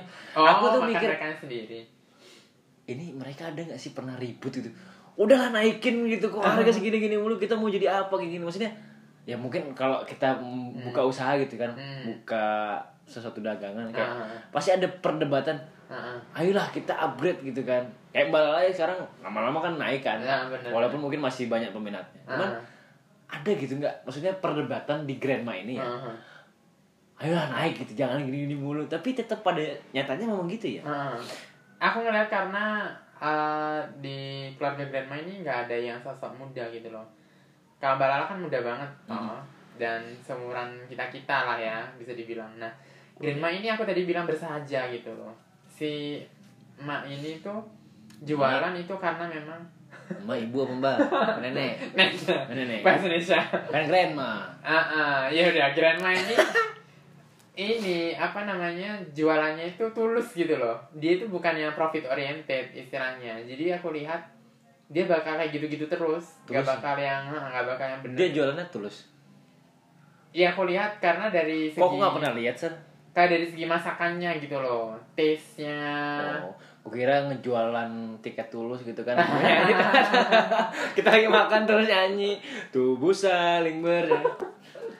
Kalau ada yang aku pernah tahu nih ya yang makan di situ habis makan di tempat yang pertama kali banget pasti dia nggak tahu kalau ternyata yang dihitung cuma lauknya doang pasti dia mention sedetail mungkin gitu sampai kayak yang uh, tahu bumbu atau tahu merah itu kan tahu bumbu Bali itu jumlahnya dua atau jumlahnya bahkan tiga kayak gitu gitu ternyata nggak terlalu dihitung bahkan sampai yang mie sama sayur itu tetap sama-sama dianggap sayur gitu loh Ya makanya kayak iya jadi yang di aku aku sendiri bagi beli greget. Bude. Kenapa nggak dihitung sih? nasi aja kita kayak setemplok kayak porsi kuli nggak ngefek gitu ke harganya itu Ayo dong rubah bude. Aku nih pengen bayar nih sayur ini. Kenapa nggak dirubah? Aku berkali-kali mention makan apa aja mas? Sayur toge, nggak ngefek lu mention tahu balado, toge apa? Tempe oreng, Heeh. Tempe. Sampai tempe goreng dua Heeh. enam ribu buset ya nggak dihitung udah iya loh tempe tuh kayak cuma gitu paling diulang-ulang kalau sama telur enam ribu eh delapan ribu kalau sama eh telur ikan delapan ribu kalau sama ayam sembilan ribu. Iya kalau dia nasi sayur makannya enam ribu. gitu doang. Lauknya telur ikan sama ayam. Akhirnya aku pernah ser biasanya kan aku ngambil tempe itu cuma dua. Hmm. aku ngambil empat. Dan Kenapa? aku tetap bilang empat tapi dibayar tetap sama ya. Iya aneh kan? Tapi kalau dibungkus tempe itu dibayar. Oh. Aku pernah. Kadang beda sih yang anaknya bukan grandmanya langsung itu kadang dihitung kalau yang tempe goreng gitu tapi tempe goreng itu ciri khasnya banget loh kayak crispy-nya itu. Tempe yang agak besar itu kan iya. Parah banget tempe menjas. Aduh. Crispy-nya itu khas banget dan dinagih emang. khas banget. Parah banget sih. Itu mungkin bisa jadi yang indikator yang sekarang sih. Karena emang eh, konsistensi si grandma ini nggak nggak tergerus zaman ya gitu loh Ini berarti harus jadi aset nih sebenarnya. Grandma ini Benar. aset besar nih. Benar Pare untuk dan orang. patokannya gampang di mana grandma itu depan Elvas Ah, Nah, kan? tapi kalau orang yang tahu kan. Elvas mana? ya Elvas kan salah satu perusahaan yang lumayan besar toh pasti kan ya kasih tahu aja jangan kemuning gitu. Tapi jauh juga, Sir. Aku dari sini Hmm. walaupun bokeh nih, Hmm. jauh-jauh ke sana itu males. Karena jalan nih. masih lebih jauh. deket ke Balala ya dari sini Iya, ya. nyampe sana, balik lagi sini, Lapar lagi. lapar lagi. Makanya ah sia-sia gitu. Mana mana bukanya sampai sore doang kan dia. Heeh. Sampai jam 4 sore terus Ya, minggu nggak buka. kayak malam bener Jadi kayak mah ah, shit. Iya kan itu juga terbukti bahwa dia itu bukan profit oriented minggu libur beliau Tapi contoh-contoh kayak grandma terus apa namanya? Siapa? Mbak Lala itu patut kita acungi jempol ya dengan strateginya juga Hmm, bener sih melayani kita. Nah, coba itu yang sering tiba-tiba muncul. tiba-tiba muncul Heeh. dadakan Heeh. Heeh, terus kenapa Eh, nodongin, nodong, berhentiin kita. Kan gokil ya. Ini masih mending. itu juga ikonik sih sebenarnya Iya, ya. lah, kan masih mending gitu kan. Apa namanya Mbak Lala? Dia punya value gitu. Nasi pecelnya Iya, gitu kan. Terus grandma ketulusannya gitu. Eh. Lah ini value-nya apa? Ah, Icon sih, ikonik sih. Cuman Eh. value-nya apa? Apakah strategi marketingnya ya? disensor kan Cit. Janganlah kita banyak tahu kayaknya sih banyak sir. Hmm. Kita sebut saja lah ya. Eh, inisialnya B. oh iya B Bumin. oh iya Bumin. Dong Hmm. Itu kayak apa ya strategi marketingnya sebenarnya perlu kita acungi jempol tapi menyebalkan menyebalkan sekali karena apa ya Bomin ini kadang membuat kita jengkel kadang membuat kita tertawa. Nah, tapi banyak banget yang cerita kalau memang backgroundnya itu menyedihkan. Ya ada something behind. Nah Mister pernah tahu gak apa tuh? Backgroundnya itu apa latar belakang. Eh, aku pernah dengar ceritanya si si inisial B ini. Bu ini eh beliau tuh sampai ngelakuin kayak gitu itu dia tuh di kayak dikirimin something guna-guna kayak gitu loh Hmm. atau eh dia tuh percaya sama hal-hal kayak gitu gitu mitos-mitos kayak santet atau apa kayak gitu loh Hmm. bahwa yang mempengaruhi usaha dia bisnis dia gitu Hmm. dia kan toko alat tulis tuh Hmm. Nah, dulu kan juga samping atau depannya itu juga ada tuh. Nah, tapi bukan yang sama persis toko alat tulis sebenarnya, toko yang lebih uh, perlengkapan sehari-hari yang lebih lengkap. Hmm. Nah, dia itu bilang dia ngerasa toko dia itu kenapa sepi terus, tapi toko depannya itu persis yang lengkap banget tuh. Hmm. Itu rame terus. Hmm. Dan bahkan toko yang depannya itu 24 jam bukannya kayak gitu loh. Dan dia itu ngerasa uh, di mimpi-mimpinya dia itu kayak diganggu-ganggu gitu loh Hmm. bahwa kayak terancam bangkrut kayak tersaingi dan sebagainya kayak merasa dia itu ter apa ya tersabotase dengan adanya pesaing yang yang dia pikir dia tidak bersaing sehat kayak gitu Ah. loh. Dan dia itu ceritain ke para para pelajar di sini yang dia cegatin kayak gitu loh. Oh, eh, saya mau cerita. Cerita. Dengerin dong. Dengerin. Saya tuh diguna-guna tau nggak? Makanya saya bangkrut kamu beli. Iya kayak gitu loh. Bener kan mistis banget kan? Kasihan lah sama saya tolong sama saya. Itu ya ada template-nya gitu ya. Itu kan juga ikonik banget loh. Yang kata-katanya emang dia itu ya kayak gitu-gitu terus kayak gitu. Kau punya pengalaman tersendiri gak sih sama Bu Min tuh aku nggak pernah. Maksudnya kalau dicegat itu aku alhamdulillah selalu lolos. Ah. karena aku punya trik. Oh. tapi kalau aku ceritain aku kasihan bude budeminnya oh iya iya nanti anak-anak malah melakukan trik ini ah, oke. dan beneran bangkrut. Ya iya juga sih ya. Kasihan maksudnya aku pernah beli tapi nggak secara paksa. Aku beli atas kemauanku sendiri. Hmm, aku tuh benar-benar. beli perangko kalau nggak salah. Aku datang bude ada perangko nggak? Kita mau beli bla bla bla. Tahun berapa itu kau masih nyari perangko master. Hmm, Master, tahu Hadi nggak? statement ya? Hadi Buat Sucipto Eh, iya surat begitu pernyataan. Heeh. itu tuh kayak eh kita nyari itu perangko dan kita beli kita ngomong baik baik kita bantuin kita Heeh. tapi lucunya apa ya kayak kasir Hmm. maksudnya ketika dia udah ngelayanin tuh dia berubah menjelma menjadi kasir memang sih kalau memang melayani pembayaran Hmm. kasir lah Hmm. cuman kasirnya ini kasir yang kayak analoginya kayak gini sir Apa tuh? boleh nggak aku bawa sebungkus permen Hmm. terus beli coca cola dua botol Hmm. boleh nggak aku bawa nih sebungkus permen itu tuh Hmm. Ya. Kau tukar maksudnya? tuker sama dua coca cola Hmm. di supermarket itu boleh nggak Terus? Nggak boleh dong. nggak boleh dong Hmm. tapi kan kasir itu kadang-kadang ditukar permen aja boleh ya Oh. Nah, kayak gitu kan bahasa gitu nah Bude Min ini Hmm. Astagfirullahaladzim Maaf ya Bude ya kalau dengerin Tapi kayaknya nggak mungkin juga Bude dengerin podcast Eh, Apa namanya Bilang 2000 nya kasih aja lah gitu. Lah Oh. ma- masa bisa kayak gitu ya? Dulu Dulu. Aku nggak tahu sekarang mungkin ya. Ah. Atau nggak beli yang lain? Enggak enggak. Eh, Apa namanya? Kembalian aja Bude nggak ada kembalian saya. Udah beli aja yang lain. Lah maksa si Bude Ah. akhirnya kan kita gimana nih? Lu sih nggak ada uang pas. Aku udah ngingetin sama temanku. Oh. uang pas. Kalau nggak ada uang pas mampus lu. Ah. diambil duit lu ditukar permen. Ibarat gitulah. Ah. akhirnya bener kan? Kejadian nggak ada kembalian. Ah. bilang kasianin lah saya belum berobat saya mau berobat. Apaan sih bude? Gitu nggak kembalian. Kan ini harganya segini kita mau beli itu doang. Ini anda itu jualan maksudnya atau ngemis? Hmm. dengan maksudnya aku cukup mengapresiasi mental dia ketika jualan. Cuman nggak gini. Hmm. janganlah begini. Hmm. ya mungkin dia lebih hebat daripada aku mentalnya. Tapi Hmm. mungkin secara ini nggak lah nggak gini. Secara dunia marketing kayaknya nggak gini. Tapi ya lucunya gitu. Hmm. dan sekarang luar biasa. Budemin ini jadi selebgram ya? Iya dong, makin ada di ya. iya ada di mana-mana. ads mana-mana ya. Tapi ya Budemin ya. Bude kalau denger ini aku cuma mau ngasih sa- beberapa statement. Bude itu lebih baik daripada Mbak Lala dan Grandma. Because? Ada nggak Mbak Lala masuk ads? Dapat Oh, endorse? iya bener. Grandma ada nggak? Nggak ada. Bude itu lebih baik keren nggak?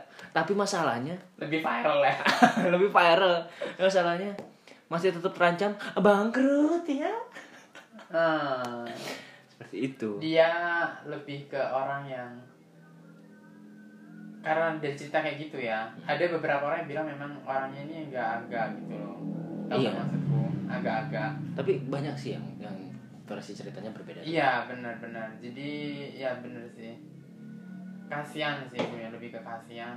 Kenapa kok sampai dia itu senekat itu cara yang dilakukan kayak gitu kan? Pasti kan kayak benar-benar nggak ada orang di keluarga dia atau yang tinggal sama dia di situ itu yang ada loh. mencegah kayak gitu loh atau ngasih tahu caranya itu jangan kayak sampai gitu gitu loh. Aku pernah loh sar. Hmm. waktu dicegat kan Hmm. aku pasrah Hmm. ayo bude apa? Beli pulpen? Udah pernah. Ah. bude bude jangan terlalu capek ya. Kalau gini bude kan capek Ah. jaga kesehatan. Kalau mau jangan terlalu dipaksa ajak ngobrol baik-baik. Ya tapi saya dong ngotot dong. "Ya, tapi saya butuh berobat mas saya butuh bro ya bebel deh. Ah. ya memang kalau memang ngomong sama ini ya Hmm. memang kadang ya udahlah. Terus terus? Tapi apa yang ku dengar dari cerita orang berbeda-beda maksudnya cerita orang tuh kayak pernah diajak curhat sama dia. Iya berbeda-beda Ah, ah. mungkin buat kalian yang pernah menjadi eh apa namanya korban bukan korban ya. Eh, Sasaran. sasaran ya Eh, berbaik hati relawannya Budemin ya hmm. mau berbaik hati membeli eh, dagangannya dagangannya barang-barang dia barang-barang beliau boleh eh, cerita kasih eh, Ini bisa tanggapan jadi satu episode Iya. sendiri kira-kira Budemin ini orangnya seperti apa? Maksudnya berdasarkan cerita kalian yang kalian dapat gitu kan. Dan apakah strategi dia dalam menjual sesuatu itu bisa dikatakan ya perlu kita apresiasi sebenarnya ya. Dikatakan baik atau baik banget sih maksudnya? Ya kalian paham lah ya bahasa aku ini ya Baik Eh, banget. baik atau baik banget gitu. Jadi seperti itu mungkin yang baru dengar ada yang belum tahu banget kan. Nah. sebenarnya kayak gimana sih si Budem ini? Nggak tahu Budemin kepare. Nggak. Terus elu kepare nggak tahu Budemin balik lagi ke pare masa ya nggak tahu Budemin iya sama kayak balala dong ah bener. Pokoknya ya tolak ukur udah kepar atau enggak pertama tahu pecel mbak lala. Mm-mm. yang kedua pernah kebegal lah minimal. Mm-mm. atau enggak tahu dah. Tahu Budemin itu siapa? Udah dua itu aja. Mm-mm. masa lalu pernah foto di kampung ini apa kagak nggak peduli. Tapi pernah nggak kebegal atau makan di pecel mbak lala? Nih nih. Gua mere apa namanya memvolunteerkan diri menjadi apa namanya orang sukses Budemin beli pulpen di Budemin ya ingat itu guys buat kalian yang masih di kampung Inggris dan belum pernah beli di pulpen di Budemin wah ya udah ya udah cari di tempat enggak ada maksudnya beli di Budemin aja gitu Budemin tuh sebenarnya orangnya butuh butuh kita support sih guys ya. Eh, Butuh cuman- dimengerti. Cuman apa ya? Butuh dimengerti tapi dia tidak mengerti kita. Kita udah, kita udah punya pulpen. Kenapa kita harus beli pulpen lagi? Apakah kita perlu jadi reseller? Kecuali memang kita harus jadi reseller gitu kan. Tapi yang dijual kan harus pulpen mulu sih? Dan... Tapi kau tau gak sih, dia itu hafal sama aku. Apa? Hafal. Oh apa? Kenal lagi. Mungkin karena emang wajah kan mudah dihafal nih. Mm-mm. Nah, aku tuh pernah bilang, Bu, saya tutor loh kayak gitu. Dan saya tuh udah pernah beli beneran kayak gitu. Oh iya ya mas kayak gitu. Dan sampai sekarang pun kalau dia ngeliat aku, aku liatin balik gitu ya. Dia nggak berani dong. Maksudnya bukan nggak berani, kayak udah ngerti, udah hafal. Oh iya iya. Karena apa? Pernah aku jalan kaki, Hmm. ya kan malam-malam kayak gini tuh sama uh, anak member campku. Hmm. Terus aku bilang, Bu saya tutor loh kayak gitu. Oh iya ingat, dia bilang gitu. Hmm. Terus temanku ini aku bilang, dia tutor juga loh, Bu temanku tutor kayak gitu. Ah masa nggak nggak percaya saya, saya lo hafal dia bukan kayak gitu. Jadi dia itu sebenarnya juga cukup hafal sih. Kita kita yang udah cukup lama dan sering lewat kelas itu, dia tuh hafal mana wajah-wajah yang baru sama enggak. Mm-mm.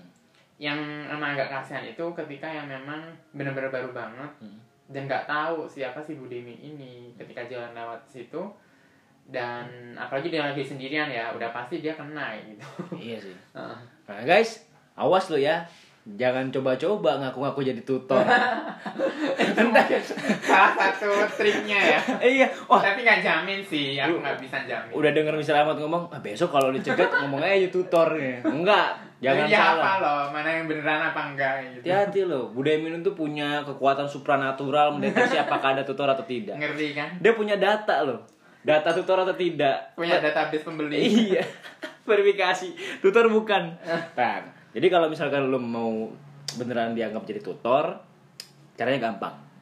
Nanti setiap tahun itu Global English buka pendaftaran teaching clinic programnya biar anda jadi a tutor. Jadi nanti enak kalau misalkan mau ketemu Bude Bude saya tutor saya udah pernah beli gitu kan. Ah. Nah, ya. jadi nggak usah ngaku-ngaku lo ya. Awas lo besok kalau misalkan ini bincang terang nama bincang terang dipertaruhkan masalahnya tapi pernah beli berarti ya? Pernah. Dan menurutku emang agak ekstrim sih emang dia itu harganya. Iya kan? Parah sih. Bener kan? Mobil pernah dicegat nah. Motor itu lagi seng.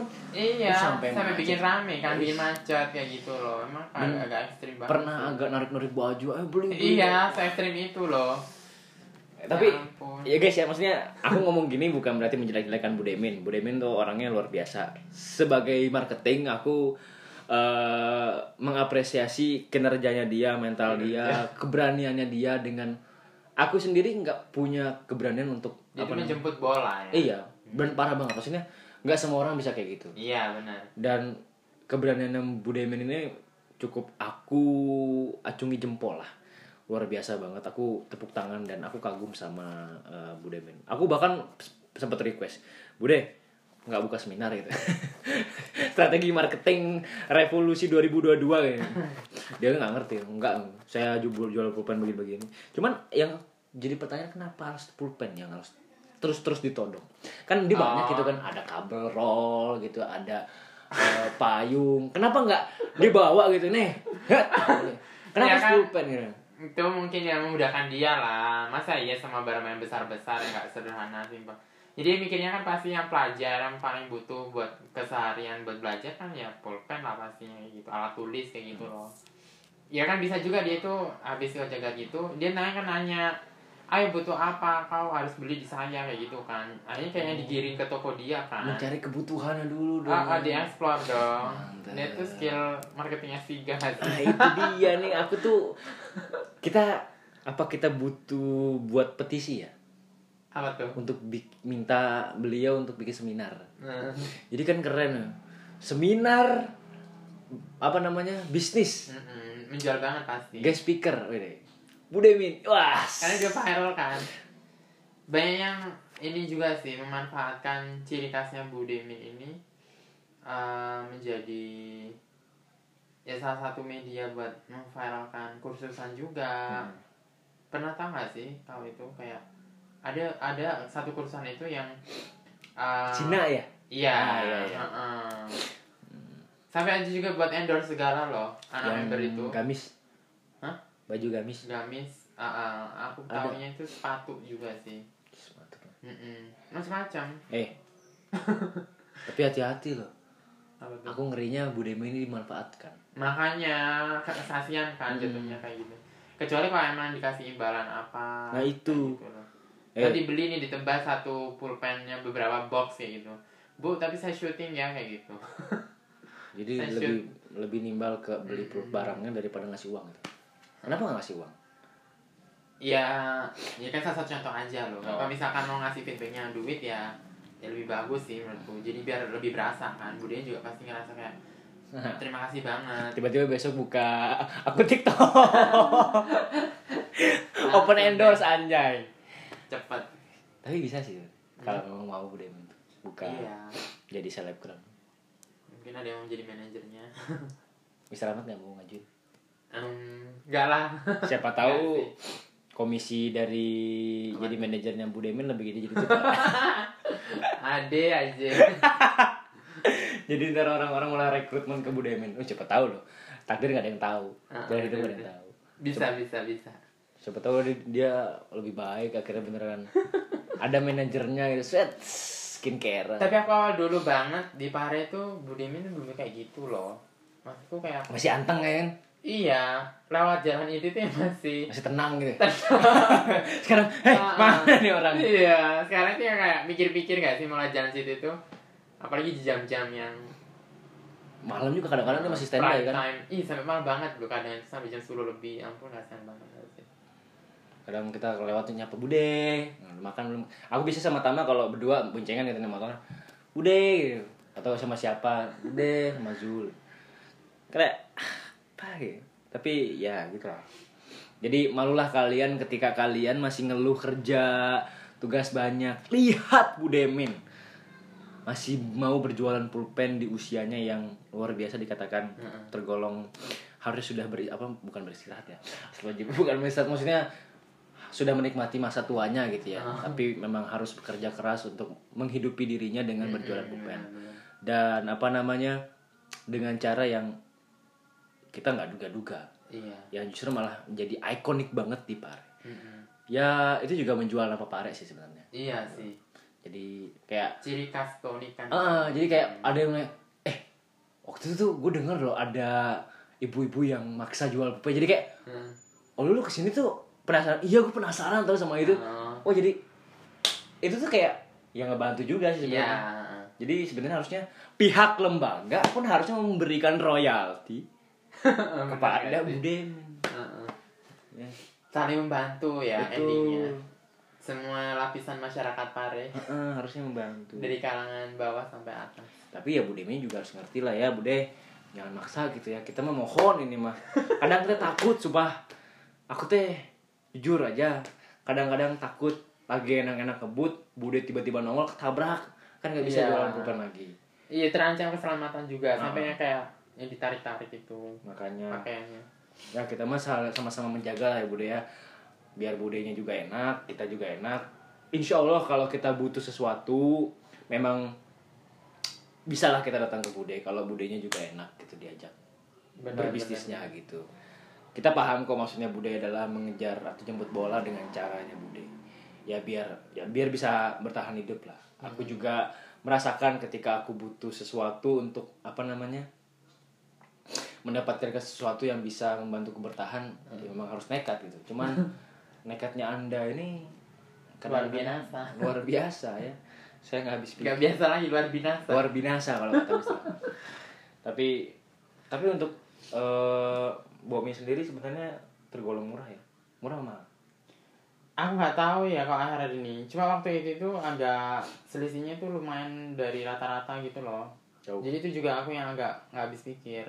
Lah orang harganya aja segini gitu loh. Kenapa sih orang-orang mungkin jarang nggak beli di situ ya karena emang harganya itu agak ekstrim.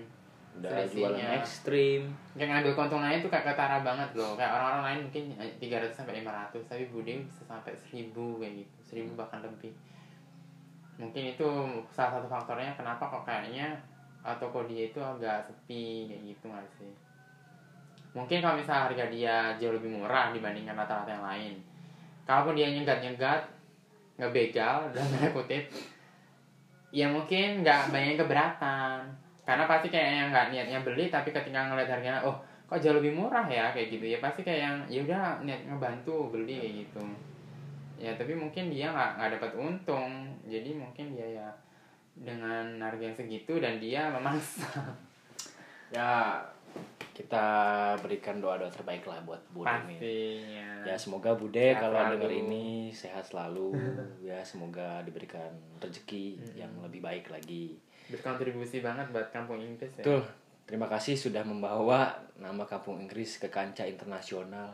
Gak tahu sih ke kancah internasional atau enggak. Tapi ya lebih lebih apa maksudnya yang dari mungkin Berlangkah. karena pandemi itu kan kita turun namanya ya, jadi naik lagi karena salah Hmm, satunya iya, benar-benar. kontribusi eh, apa namanya siapa Budemin Mbak Lala Mbak Lala bukan apa-apa nggak ada Mbak Lala ngebantu apa mempamorkan kampung Inggris cuman jadi ikonik aja tapi ya sekali lagi aku juga berterima kasih kepada siapa pun yang ada di kampung Inggris yang sudah membawa dan menonjolkan nama kampung Inggris keluar karena justru berkat kalian pun mungkin adalah alasan banyak orang juga pengen ke kampung Inggris entah itu ke Tansu lah gitu kan Hmm. Ah, Nah, iya benar. pecel lele eh, pecel lele, kan. jadi ya banyak banget sebenarnya yang masih bisa jadi patokan tapi jujur kalau bisa dibilang memang Pare itu salah satu tempat yang bisa dikatakan murah ya untuk gaya hidup maksudnya nggak. Tidak memaksa kita untuk hedon Hmm, itu balik lagi ke kitanya seperti apa ya tadi Mr. Ahmad bilang. Hedon atau enggak sebenarnya balik lagi ke kita. Cuman ya, emang kalau biasanya kita hedon sebelumnya ya mungkin ke sini kita bisa hedon lagi. Karena Ya.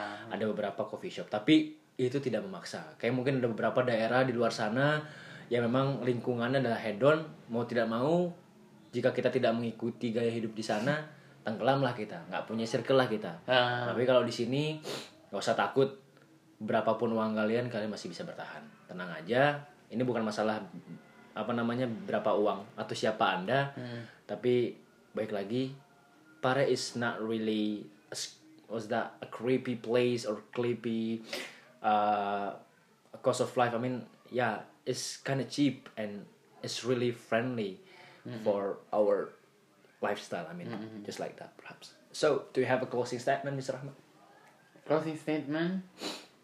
Yang jelas eh kalau kalian niatnya pengen belajar bahasa Inggris di kampung Inggris itu sebenarnya eh, tergantung ke target masing-masing orang ya. Lebih ke kayak gitu sekarang. Karena sekarang di sini kursusnya juga semakin beragam semakin berkembang dan gak hanya cuma bahasa Inggris Eh, muncul kan kayak ada kampung Arab kampung Turki kayak gitu. Jadi semakin banyak tantangan sih kalian ketika nanti di sini. Nggak sesuai sama ekspektasi kalian kalian ingin yang full speak English itu nggak juga. Hmm.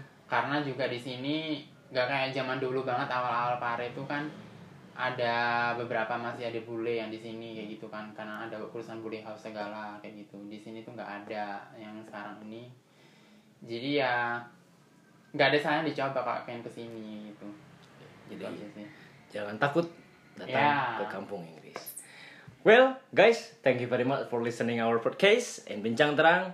Uh, hopefully you get the good insight in Bincang Terang. So, I'm Fala Bagaswara with Mr. Ahmad uh, Nasruddin Al Khairi. Thank you very much and see you on next episode. Bonsoir. Bye bye.